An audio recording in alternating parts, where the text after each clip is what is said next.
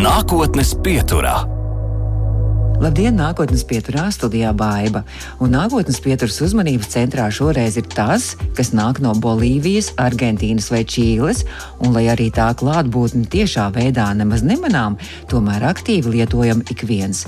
Jo kaut gan viena no vieglākajiem metāliem, baltā zelta, litija atradnes un raktuves galvenokārt koncentrējas Dienvidamerikā, tomēr pasaulē litijas ir plaši pieprasīts, tas tiek pielietots mobīlo telefonu, elektromobīļu, hibrīdmobīļu un portatīvo datoru akumulatoru ražošanā. Tas atrodams elektrovelosipēdos un elektriskajos skrējējiņos, dronos un citos bezpilota lidaparātos, bezvadu austiņās, portatīvajos skaļruņos, LED lukturīšos un citās apgaismojuma ierīcēs. Litīs spēlē svarīgu lomu zaļās jeb atjaunojamās enerģijas jomā. Nākotnes pieturas viesis Latvijas Universitātes Cietvielu fizikas institūta vadošais pētnieks, ķīmijas zinātņu doktors Gunārs. Gunārs Bajārs darbojas ar materiālu, tostarp litija jonu bateriju materiālu pētniecību, un pērnā gada nogalē saņēmis gada balvu par izcilu devumu enerģētikā. Labvakar, nākotnes pieturā un apsveicu! Jā, labvakar, paldies! Kā tā balva izskatās? Ir kaut kāds kausa medaļa? Balva ir gaismas balva. Tātad Tur ir tāds gaismas elements ar divām plāksnēm. Uz vienas tur ir mans vārds, uzvārds un zinātņu akadēmija, un uz otras plāksnes ir tātad viss tas, kas mums ražo un pārvada elektrību. Tātad tur ir hidroelektrostacija, tur ir saules paneļi, tur ir vēja turbīnas un pārvades līnijas. Un tāda ļoti skaista gaismas balva. Nu, jā, tas ļoti stilīgi un ļoti arī oriģināli un neparasti. Ne? Jā, un iespaidīgi arī. Balva kaut kur uz plauktiņa tiek nolikt vai pie Balva sienas? ir uz plaukta, jā, viņi ir pamatne un tad, principā, jā, viņi darbojas arī uz bateriju. Tātad šīs pašas litija baterijas, bet tomēr spožāk viņa deg, ja viņi pieslēdz taisni pie elektrības. Tas nav vienīgais jūsu apbalvojums arī par, par, par, šie, par šiem visiem materiālu pētniecību. Jūs arī Latvijas Zinātņu akadēmijas arī kādreiz izcilības balvu, arī gada balvu saņēmāt. Jā, tas bija 2010. gadā. Un ļoti ātri saņēmām. Mēs 2009. gadā sākām nodarboties ar šīm litiju-ionu baterijām, un jau pēc gada ieguvām šādu atzinību. Un otram, es uzskatu, balva, ko saņēmām šogad kopā ar savu kolēģi Gintu Kučinsku un Jānu Kleperi. Tātad 2023. gadā mums pasniedz arī diploms par pēdējo desmit gadu visvairāk citēto publikāciju. No Latvijas zinātnieku visvairāk citēto publikāciju tas bija žurnālā Journal of Power Sources. Un tas ir starptautisks, ļoti prestižs. Jā, tas ir prestižs žurnāls. Viņam impakts faktors jau ir tuvu desmit. Un, nu, protams, jā, tāda citējumība varētu būt tikai prestižā žurnālā, jo mazos jau nepamanā. Un es arī skatījos, ka tā citā, cite, cik, te, citējamība. citējamība ir apmēram 700. Jā. Jā, nu tas, jā, tas ir pēc nopietnām datubāzēm, bet, ja paskatās, jā, tad, tad, tad, tad pēc. Uh, Google, pēc, bet pēc uh, Google skolēra pat jau tūkstotis. nu. Šis gads ir iesācies tā ļoti ar balvām ražēts. Jā, nu, tas bija jā, institūtam svinējot 45 gadus, tad arī saņēma. Par litiju runājot, tad, ja jūs varētu pastāstīt mūsu klausītājiem, kas ir vispār litijas, ir, un es mazliet ieskicēju, bet nu, tā viņa pielietojuma plus mīnus un kas vispār jā. tas tāds ir. Tātad litijas ir. Um, periodiskā sistēmā trešais elements, bet patiesībā tas ir pats vieglākais metāls. No visiem metāliem, tātad sārmu zemju metāls. Un, Tātad viens ir tas, kas ļoti lielu priekšrocību dod baterijās, tas, ka viņš ir viegls. Tātad mēs šīs baterijas varam pārnēsāt. Ja? Uz viena akumulātora nesāt līdzi nebūtu tik patīkami. Ja? To mašīnā var vest, lai iedarbinātu. Ok, bet arī automašīnās labāk, kad būtu šīs vieglās litija un baterijas. Vēl litijas tātad pirmās grupas elements. Tātad viņam ārējā čolā ir viens elektrons, un principā viņi diezgan viegli pārvērst par jonu, atraujot šo elektronu no šīs ārējās šaulas. Tas arī dod šo iespēju mums radīt un pārvietot šos litiju ionus, principā, kas arī šajā baterijā pārvietojas. Tātad tās būtu šīs litija galvenās priekšrocības. Par litiju runājot, tad uh, Nobela prēmija arī par uh, šo litiju atklājumu izgudrojumiem arī savulaik saņēma pasaules zinātnieki. Nobela prēmiju par litiju un bateriju saņēma 2019. gadā, un burtiski ar to es arī gandrīz vēlētos sākt. Ja, jo paskatoties, ir trīs zinātnieki, kuri saņēma tātad Stanlijs Vitinkēms un Džons Gudinovs no ASV un uh, Akira Yoshino no Japānas, tad, principā, ja mēs paskatāmies, ko viņi katrs ir devuši, ja, tad tas arī attēlo paralēlo visu šo litiju-jonu baterijas attīstības vēsturi. Stenlijs Vitinhems sāka pirmais. Viņš šo litiju jonu atrada materiālu, kurā viņš varētu iebūvēties, nu, interkalēties, teiktu, ja, jo tas ir slāņaina struktūra. Tas bija titāna disulfīts ar slāņaina struktūru. Un, un, izdo, un viņš atrada iespēju šo litiju jonu tur interkalēt iekšā. Un, Otru elektrodu uzlika vienkārši metālisko litiju, kuram ir ļoti liela lādiņa ietilpība. Nākotnē es ceru, ka arī šīs baterijas tiks radītas ar šo metālisko. To mēs pieminēsim vēl. Un tātad šādu bateriju, jā, viņš pirmais radīja šādu bateriju, kas sasniedz 2 voltus. Nu, mūsdienās tas būtu litija-ionu baterijām, mēs zinām, ir divreiz augstāk. Ja? Tātad, es domāju, tātad Džons Gudenavs, nākamais amerikāņu zinātnieks, ja? tātad atrada materiālu, un pirmais tas bija arī slāņains struktūras, bet nevis sulfīds, bet oksīds. Tātad kobalta oksīds, kurā arī šis litija-jons interkalējas iekšā un atgriezeniski atkal devās atpakaļ uz šo metālisko litiju. Šāda baterija sasniedza jau 4 voltus, kas jau ir mūsu dienu baterija. Ja?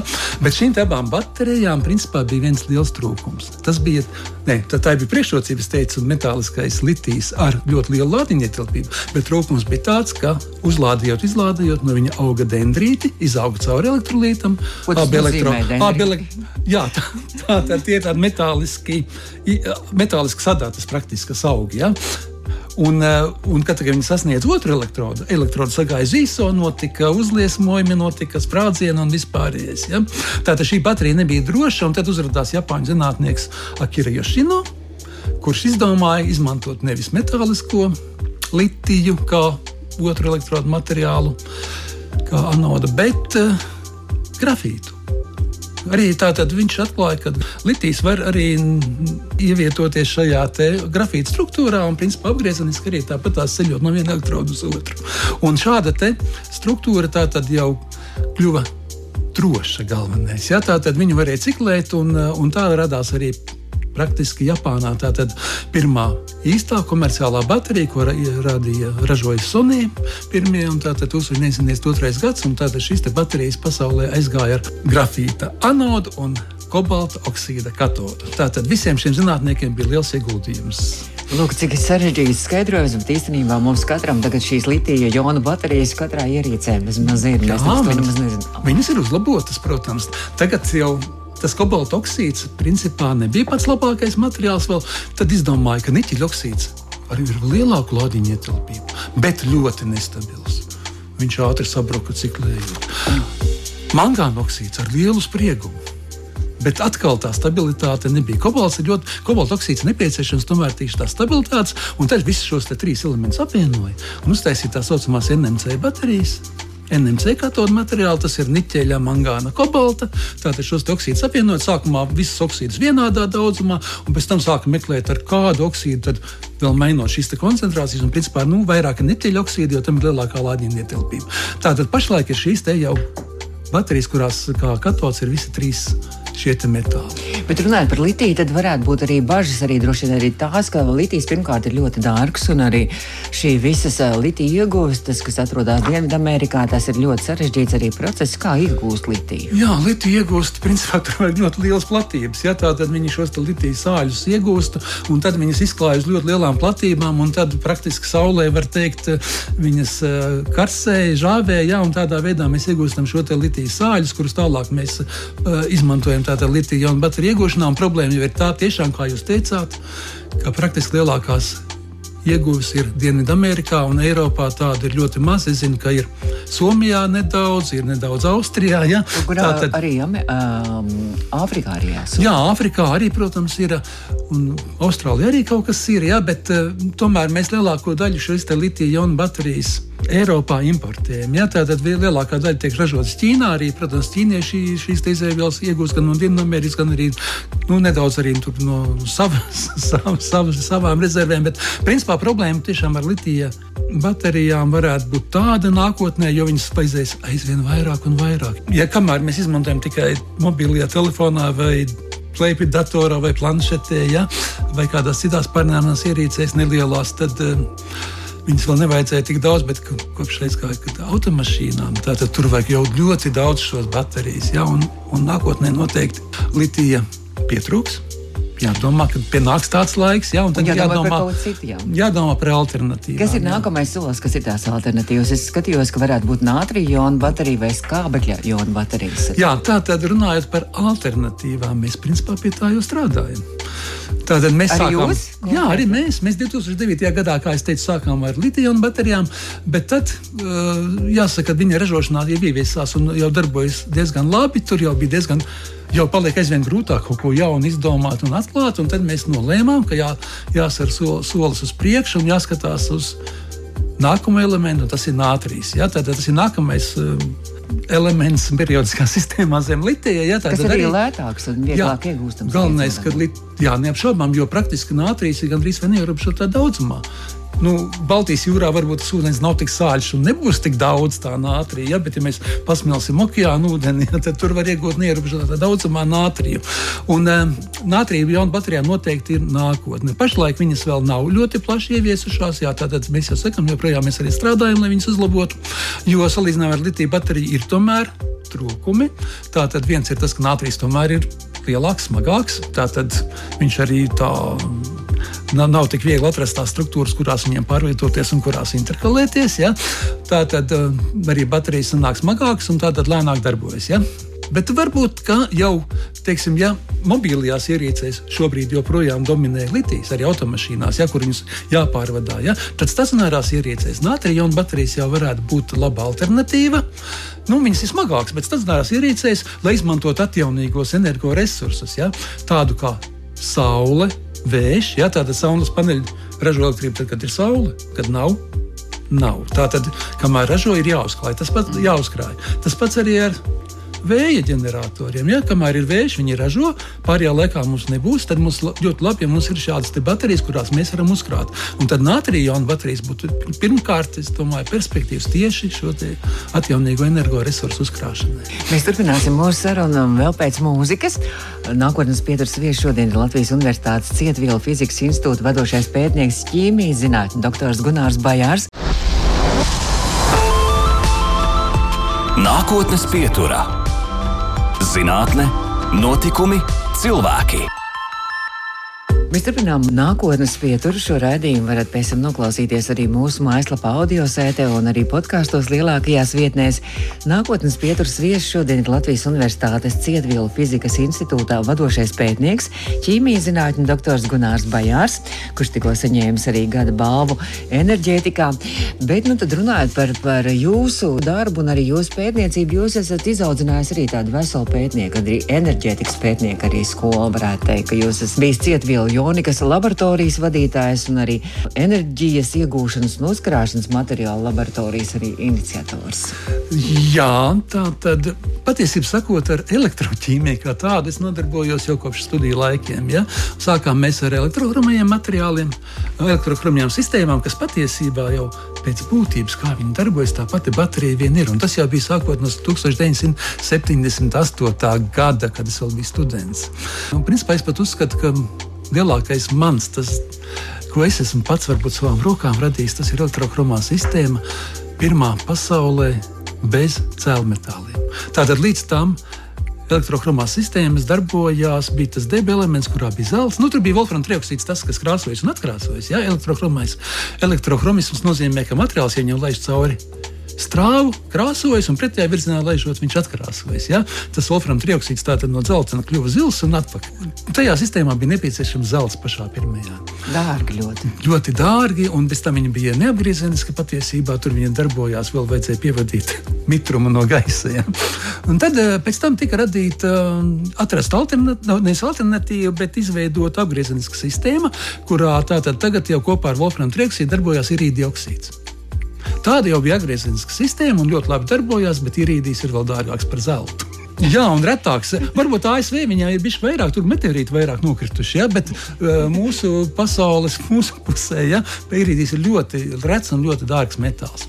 Un tad, nu, bija jādomā, ko darīt. Un man, principā, tā kā es tajā laikā strādāju arī ar cietiem elektrolītiem, pirmais sāku mūsu institūtā šo cietu elektrolītu tēmu arī. Tad uh, man izdevās izveidot Wolfram trioksīdu savienot ar niķeļa oksīdu. ar cietu elektrolītu. Ar šķidro to nevar izdarīt, jo vienkārši niķeļa oksīds izšķīstu. Bet ar cietu elektrolītu tas bija iespējams, un tādā veidā mēs uztaisījām pašu pirmo šādu elementu pasaulē, kurā nebija cēlā metāla. Tātad wolfram trioksīds un, un antimons kāpnes elektrolīts, un eh, nu, tas ir ciets elektrolīts. Skābi izklausās šķidri, bet tas ir cieta. Un uh, niķeļa oksīds kā otrs elektrons. Un kurš šo jūsu atklājumu tagad var lietot? Jā, var.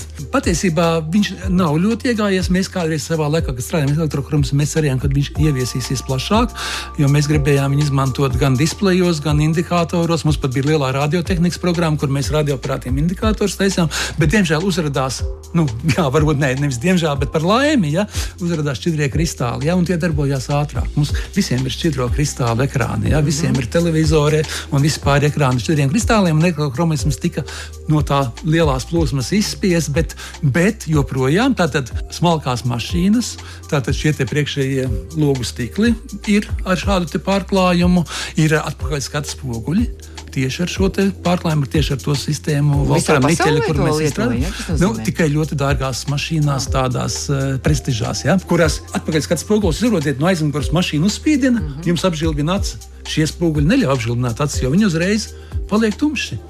Bet, nu, sākotnēji, kad izstrādāja, tad jau bija doma, ka to izmantos arī militārajā tehnikā un tam līdzīgi. Tāpēc arī toreiz Padomju Savienībā šādi pētījumi tika finansēti. Ja. Bet, nu, katrā gadījumā tas ir ieviesies. Un, uh, tās prieks ir tomēr. Nu, un tad tālāk, jā, jūs minējāt, es biju Cietvils Jonīgs laboratorijas vadītājs.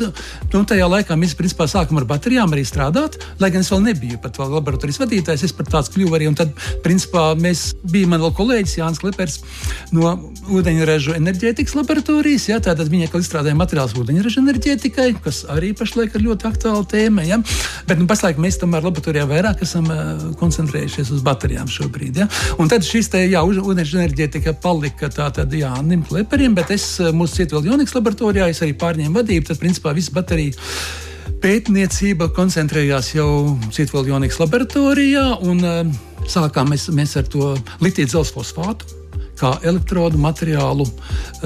Tātad mēs jau minējām, ka bija tie NMC materiāli, kur bija oksīdi, ja? bet Džons Gudenovs Viņš arī izgudroja otru svarīgāko materiālu, kur ir otrs visvairāk ražotās baterijas, kurās ir litijas fosfāts kā elektrods. Un ar šo mēs sākām, un mums bija sava niša. Mēs mēģinājām izveidot tieši plānslāņu bateriju, ja tas būtu kaut kas tāds oriģinālāks, jo parastās baterijas jau taisa visi, nu gribās atrast kaut ko savu. Sākām ar to, par to arī dabūjām šo 2010. gadā balvu par šo kārtiņu iegūšanu un izpētīšanu. Ja? Un tad jau pamazām mēs apaugām, jā, galvenais pirmais mans doktorants bija Gins Kučinskis. Kurš tagad pašlaik jau ir laboratorijas vadītājs? Viņš gan izgāja, jā, viņš bija gan mans, viņš, jā, viņš ir bakalaura, gan maģistra students pie manis, gan doktorants, gan arī pēcdoktorants. Arī tur izgāja. Ja, tad, viņš, nu, tad, kad viņš jau bija aizstāvējis, tad viņš arī pārņēma laboratorijas vadību. Ļoti jauns enerģisks, perspektīvas kadrs. Es domāju, ka es ļoti priecājos, ka šāds cilvēks pašlaik mums ir, jo viņš darbojas ātri, aktīvi un, un ļoti, mēs esam ļoti izauguši pēdējā laikā. Mums ir ļoti daudz, no man pašam jau ir divi doktoranti, ja, bet uh, viņam arī ir, mums ir ļoti daudz projekti, kurus mēs piesaistām, un, un mums ir ļoti laba sadarbība ar ārzemēm. Mēs esam arī Horizon Europe, tātad šī Eiropas apvārsnes projektos trijos jau. Divi par baterijām, viens par superkondensatoriem, kas arī ļoti līdzīgi šīm baterijām. Ja, tad, tad mēs šo tēmu esam nedaudz aizsākuši. Arī citi projekti, gan Meranet, gan arī Latvijas, eh, un gan arī kosmosa, Eiropas kosmosa aģentūras projekts arī mums ir. Nu, par visu mēs noteikti nevaram paspēt izrunāt, arī par jūsu visu pedagoģisko darbību. Nē, jūs gan arī Latvijas Investīcija attīstības aģentūrā esat bijis skauts, Jā. kurš arī meklēs jaunos talantus, bet pa vidu jūs vēl paspējāt būt arī Vidzemes augstskolas rektors. Jā, nu, Patiesībā tie bija tie laiki, kad sabruka Padomju Savienība. Un zinātnē naudas nebija. Un man mājās trīs mazi bērni jābaro. Ja? nu, Tā tad, nu, tad, principā, sanāca tā, ka man viens kolēģis, bijušais no Cietuvas fizikas institūta, uh, Atis Kapenieks, jā, viņš strādāja ministrijā tajā laikā. Viņš teica, vai tu negribi paskatīties Vidzemes augstskolā turisma programma tiek veidota. Ja? Nu, es aizbraucu, piedalījos tajā konferencē, nu, neko, nu, ja turisma programma izskan par turismu, neko nezinu. Es esmu ķīmijs, strādāju pie fizikiem, ja? bet nu, vajag, vajag to pamēģināt. Nu, nu, varbūt tomēr tu gribi. Ja? Nu, es uztaisīju to programmu. Un jāsaka, bet rektors jūs bijāt. Jā, pēc tam. Uh, bet pirmajos gados tā es vadīju šo turismu programmu. Tā neapšaubāmi bija, no 1996. gada, kad strādāju. Tā bija neapšaubāmi vispopulārākā turismu programma Latvijā. Populārākā programma arī Vidzemes augstskolā. Mums bija studenti 11 uz vienu vietu. Patiesībā es teikšu, ka bija ļoti patīkami toreiz strādāt Vidzemes augstskolā jo mums bija tik labi studenti, tik labi atlasīti, tik motivēti, ja, ka bija pilnīgs prieks ar viņiem strādāt. Nu, tad es kļuvu arī par prorektoru, mācību akadēmiskā un pētnieciskajā darbā, un, un tad arī biju rektors. Jā, mani izvirzīja, ievēlēja. Es pats nekad neesmu laikam uz šādiem amatiem ļoti rāvies, un, bet vienkārši kolēģi palūdza. Nu, es piekritu, un tad viņi man vienbalsīgi ievēlēja. Nu, lūk, kādreizējais vidzemes augstskolas rektors Latvijas Universitātes Cietvila fizikas institūta vadošais pētnieks un ķīmijas zinātņu doktors Gunārs Bajārs šobrīd nākotnes pieturā. Nākotnes pieturā. Turpinām nākotnes pieturu un jau raidījums strauji tuvojas noslēgumam. Latvijas Universitātes Cietvielu fizikas institūta vadošais pētnieks, ķīmijas zinātņu doktors Gunārs Bajārs šobrīd ir mūsu studijā. Un mēs runājam par jūsu zinātnu un pētniecību. Daudz ko jaunu uzzinājām, bet eh, droši vien, ka mūsu klausītājiem jāatklāj arī tas, ka jūs esat ārkārtīgi nu, kaislīgs dažādu erudīcijas galdu spēļu, kādu vēl tur, nu, ar vārdu sakot, prāta spēļu arī fans varētu teikt, un arī dalībnieks. Jā, nu, katrā gadījumā, ja runājam par erudīcijas spēlēm, tad uh, Jā, man ir gadījies pat vinēt Latvijas erudītu līgu, kas bija 2008. gads, un tajā laikā arī es biju tajos atklātajos čempionātos vienmēr finālā. Jā, nu tā tad principā zemāk par 4. vietu Latvijā neesmu bijis, jā, cik piedalījos, bet katrā gadījumā tas bija tajā laikā, kad eh, laikam nedaudz eh, mazāk aizrāvos varbūt ar zinātni, jā, jo tas tomēr prasa laiku, un es piedalījos dažādos arī televīzijas raidījumos. Mm -hmm. Tā tad es atceros, kad ir vinēts balvas gan grib būt miljonārs, gan uh, VIP, gan. Um, Pie mūsu Krumhauts lieliskajā pieciniekā nepiedalāties. Pie lieliskā pieciniekā es piedalījos divas sezonas, bet tur nē, tur es līdz finālam neesmu ticis. Jo, principā, nu, grūti tā, tā pateikt, nu, teiksim, kāpēc es vinēju Latvijas erudītu līgu. Es varbūt neesmu noteikti viszinošākais, bet, teiksim, erudītu līgā tur vairāk ir rakstiski, ja tad tur testus deva. Un tur ir atbildžu varianti. Un es vienkārši ātri izskaidroju, varu atmest nepareizo zinātnieku metodi. Jā, un jā? ar metodi. Un varēju atzīmēt pareizās atbildes un tādā ziņā, bet ja pilnīgi no zila gaisa man jāatbild, ja, tad daudz būs labāki par mani. Ja? Bet, nu, katrā gadījumā man tā domāšana diezgan laba bija. Es arī šādu dambrietu sāku spēlēt agrā vecumā, un, un vidusskolas gados pat divus gadus biju Jālgavas čempions šahā. Jā, tā ir pirmā klase. Nu, jā, Jālgavas jā, skolēnu čempions. Es biju Jālgavas. Jā, pirmā klase. Jā, tā tad, jā, un tad es ilgu laiku nespēlēju, bet pirms gada atgriezos, kā teikt, aktīvi apritē. Ja? Un jau pirmajā turnīrā man piešķīra šo pirmo klasu, un no otrā turnīra jau pagājušā gada sākumā jau atstāja diezgan lielu kausu, jā, kur bija rakstīts labākais olēnietis. Nu, pagaidām vēl tikai olēnietis. Bet bē, eh, prieks tomēr, jā, ar katru turnīru principā man rezultāti pat uzlabojas. Jā, un, protams, arī vēl tas nacionālais latviešu sporta veids Zolīte. Tur arī esat kausi daudz. Jā, nu, tur man ir veseli pieci kausi, es esmu, un tā skaitā es esmu bijis pēdējais Olēnas pilsētas un pirmais Olēnas novada čempions. Ja, man sanāca tieši uzvarēt tajā, kad mainījās šī teritoriālā reforma. Notika, ja. Tā tad, jā, tur man ir pieci kausi, bet visvairāk es tomēr lepojos laikam ar tiem diviem kausiem, kurus esmu iegūmis galda spēļu daudz cīņās. Tā tad tur ir šachs, dambrete, galda tenis novus un šautriņu mešana. Šautriņu mešana, ja nebūtu, varbūt būtu vēl lielāka panākuma, jo, jo pārējos, nu, principā, man, jā, nu, es. À, tā ir tāda daudzcīņa. Daudzcīņa, jā, nu, redz, varbūt katra atsevišķā veidā es varbūt neesmu tik stiprs, bet ņemot vērā, ka man ir sporta klases gan šahā, gan lambertē, gan galda tenisā. Ja? Tad nu, vēl novas spēlēja, ko bērnībā uz galda, man vien, apaļā galda vietā stāvēja. Mēs uzlikām virsū novas galdu, un tāds viņš tur bija. Ja, un regulāri spēlējām, tas joprojām ir palicis. Lai gan es nespēlēju novas ikdienā, ja? bet es reizes gadā uzspēlēju tāpat. Iet. Un, jā, un šajās galda spēļu dosiņās eh, man ir divi kausi. Jā. Un tad, kad ar mazdēlu, kurš ir Dambrets čempions, spēlēt, kurš tad no jums abiem ir čempions, kurš uzvar? Jā, nu kamēr viņš bija maziņš, es viņam spēlēju. Bet patiesībā sakot, eh, kopš tā brīža, jā, kad viņam ir kaut kādi septiņi, astoņi gadi, kad viņš arī kļuva par pasaules čempionu, tajā laikā, protams, jau viņš spēlēja par mani labāk. Bet nu, par to jau ir tikai prieks. Jā. Un vispār jau principā ar to arī var lepoties. Nepatīk, ja tev ģimenē ir kāds pasaules čempions. Ja? Nu, jā, nu, diemžēl, diemžēl jā, viņš vairs tā īsti aktīvi neturpina, bet viņi abi ar brāli ir Latvijas čempioni badmintonā, tas viņa aizrauga vairāk. Nu, ko es saku lielu paldies, ka jūs šodien viesojāties nākotnes pieturā. Novēlu šajā jaunajā gadā jums daudz, daudz čempionu titulu, daudz kausu un daudz arī godalgu.